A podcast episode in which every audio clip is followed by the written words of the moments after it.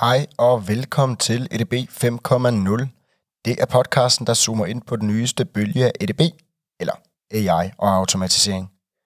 Vi tager tech op af kælderen og ud i forretningen. Vi taler om, hvad det er, hvordan man bruger det intelligent, og kommer med real-life eksempler og erfaringer. Mit navn er Mathias Emilussen, og i dag skal jeg læse et blogindlæg op fra min samarbejdspartner Mathias Laugesen, som omhandler dumme årsager til, at projekter for intelligent automatisering fejler. Glæder jer. Det gør jeg.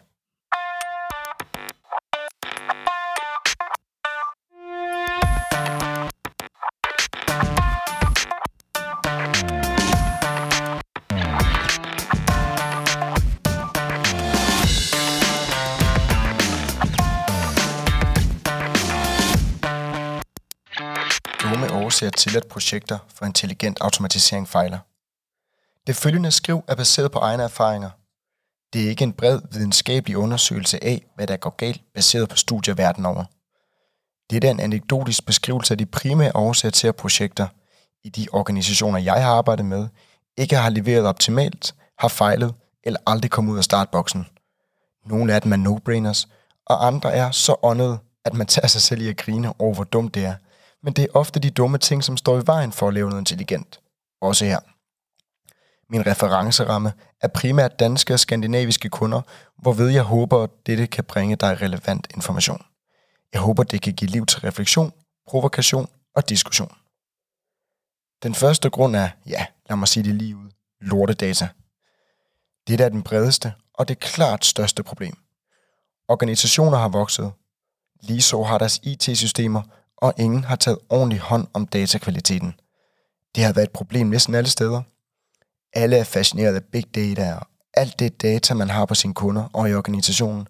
Men der er meget få, der går ned i kælderen, smøger ærmerne op og sørger for, at data organiseres og passer sammen på tværs af siloer.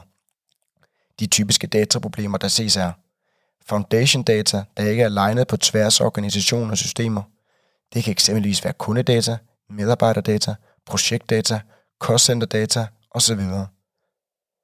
Der er ikke en ordentlig proces for, hvor data fødes, og kvaliteten sikres, uagtet om det er automatiseret i form af sniffer eller manuel indtastning. Og slutteligt manglende systemintegrationer. Det skyldes ofte, at systemer bliver en dataø, og tro det eller ej, mange systemer har simpelthen ikke moderne muligheder for at dele data og gøre integrationer lette. Hvad skal man så gøre? Jo, man skal indse, at man ikke kan bygge et hus på et fundament af lort. Man støber et fundament, hvor klodserne passer sammen i fundamentet, og man gør det, så de også kan understøtte det hus, der skal bygges ovenpå. Hvis man ikke accepterer, data af fundamentet, og det skal på plads, før man kan komme til den sjove indretning af huset i form af AI-automatisering.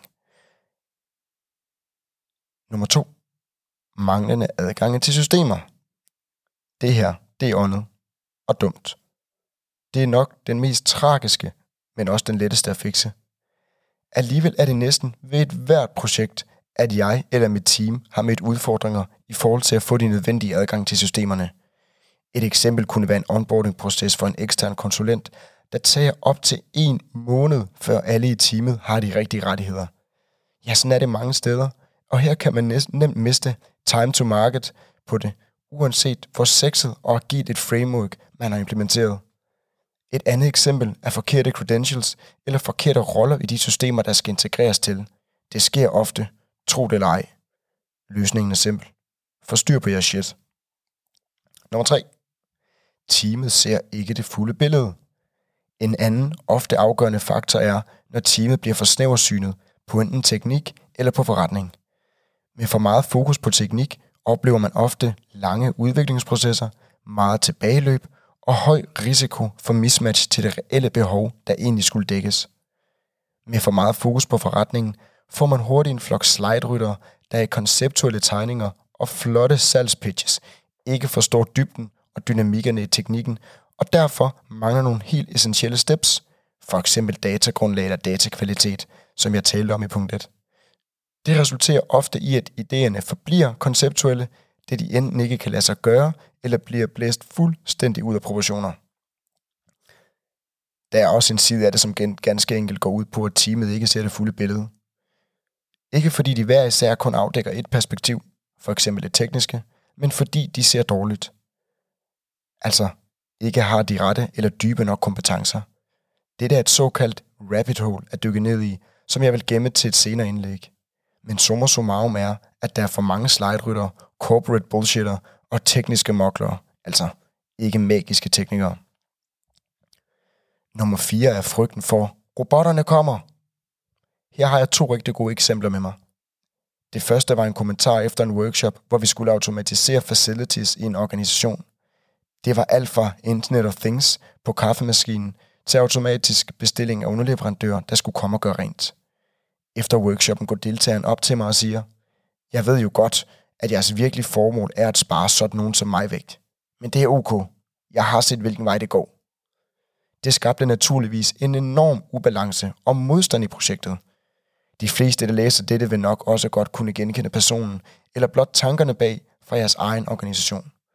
Men det er så ærgerligt, at der går så meget præben i det til hjertet, når han har hørt masser af monopolet. Jeg anerkender selvfølgelig, at der kan være risiko for at blive downsized. Det var bare ikke tilfældet på direktionsgang i dette tilfælde. Så det eneste, det resulterede i, var, at denne medarbejder blev bitter over noget, der slet ikke lå i kortene. Der findes både mange kurer og kvaksalveri mod dette. I tilfældet her var det et del ansvar mellem ledelsen, medarbejderen og jeg, som leder projektet. Men læringen er her, og i mange andre tilfælde, at der er modstand i organisationer mod AI og automatisering, fordi medarbejderne er bange for at miste deres job. Det er et problem, man bør håndtere, uagtet om der er hold i bekymringen eller ej. Det andet tilfælde blæste mig simpelthen bagover af forundring. Vi havde bygget en AI Assistant, der kunne prioritere alle mails i Do Not Read, Read og Read and Take Action, og som samtidig prioriterede alle mails i disse lister baseret på modtagerens interessantgalleri, som kunne autobooke kalenderaftaler, acceptere og ombooke aftaler, samt kunne foretage en række autosvar som en rigtig personlig assistent, hvor man ønskede det.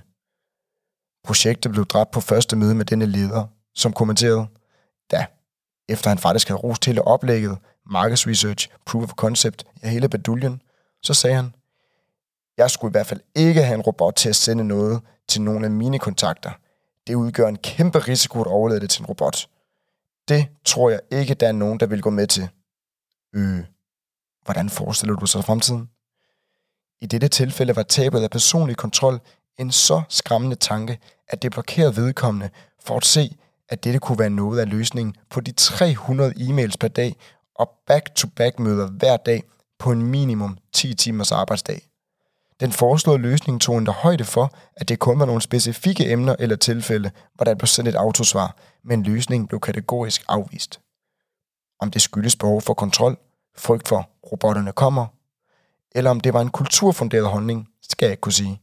Men noget der, efter min mening, kunne være blevet en fantastisk AI-assistant og hjælpe mange mennesker til et bedre arbejdsliv ved at kunne se igennem støjen fra e-mails og møder, blev dødfødt grundet en enkelt persons holdning. Er jeg bitter? Det er jeg nok. Men det er jeg, fordi den personlige holdning dominerede al markedsresearch, målgruppefeedback og business cases. Det er et godt eksempel på, hvordan frygten for, at robotterne kommer, kan blive en tung klods om benet. Den femte og sidste er, sørg for at afstemme forventninger til forventningsafstemningen, så man ikke bliver forvent med den forkerte stemning og ikke bliver nedstemt ved en afstemning. Undskyld, jeg kunne simpelthen ikke lade være. Den sidste store synder, jeg ofte møder i projekter, og som måske er det dyr, der er flest af i junglen, er manglende forventningsafstemning. Det skyldes ofte, at der er store forventninger til, hvor hurtigt og hvilken værdi, der skal leveres af AI og intelligent automatisering. Det er pumpet op af hype på LinkedIn, populære film og narrativet om, hvordan de store tech-giganter har data på alt, har automatiseret alt og nærmest bliver drevet af en selvstyrende AI. Efter forventningerne bliver sat, sker der derfor ofte en dekobling i forbindelse med selve specifikationerne og hvad der er teknisk muligt i første release. Jeg har oplevet problemet, som at der forventningsafstemmes med et mindset om, at den fulde værdiskabelse sker, når første implementering er færdig. Samtidig vil man gerne have det der smarte, agile, hvor man bygger MVP-sprints. Sexet. Man glemmer dog i processen af MVP, at det betyder minimum viable product, og derfor ikke kommer til at udlyse den store præmie efter første release. Men den marginale værditilførsel bliver højere per release. Her tør jeg godt komme med en løsning tælle lige sammen om det, og have balls til at gøre det som det første. Det fikser problemet. Dette var et blogindlæg, som I også kan finde ind på vores hjemmeside www.edb50.dk. Her kan I diskutere, kommentere, udfordre os eller gøre lige, hvad I har lyst til. Tak fordi I lyttede med. Vi tælles ved næste gang.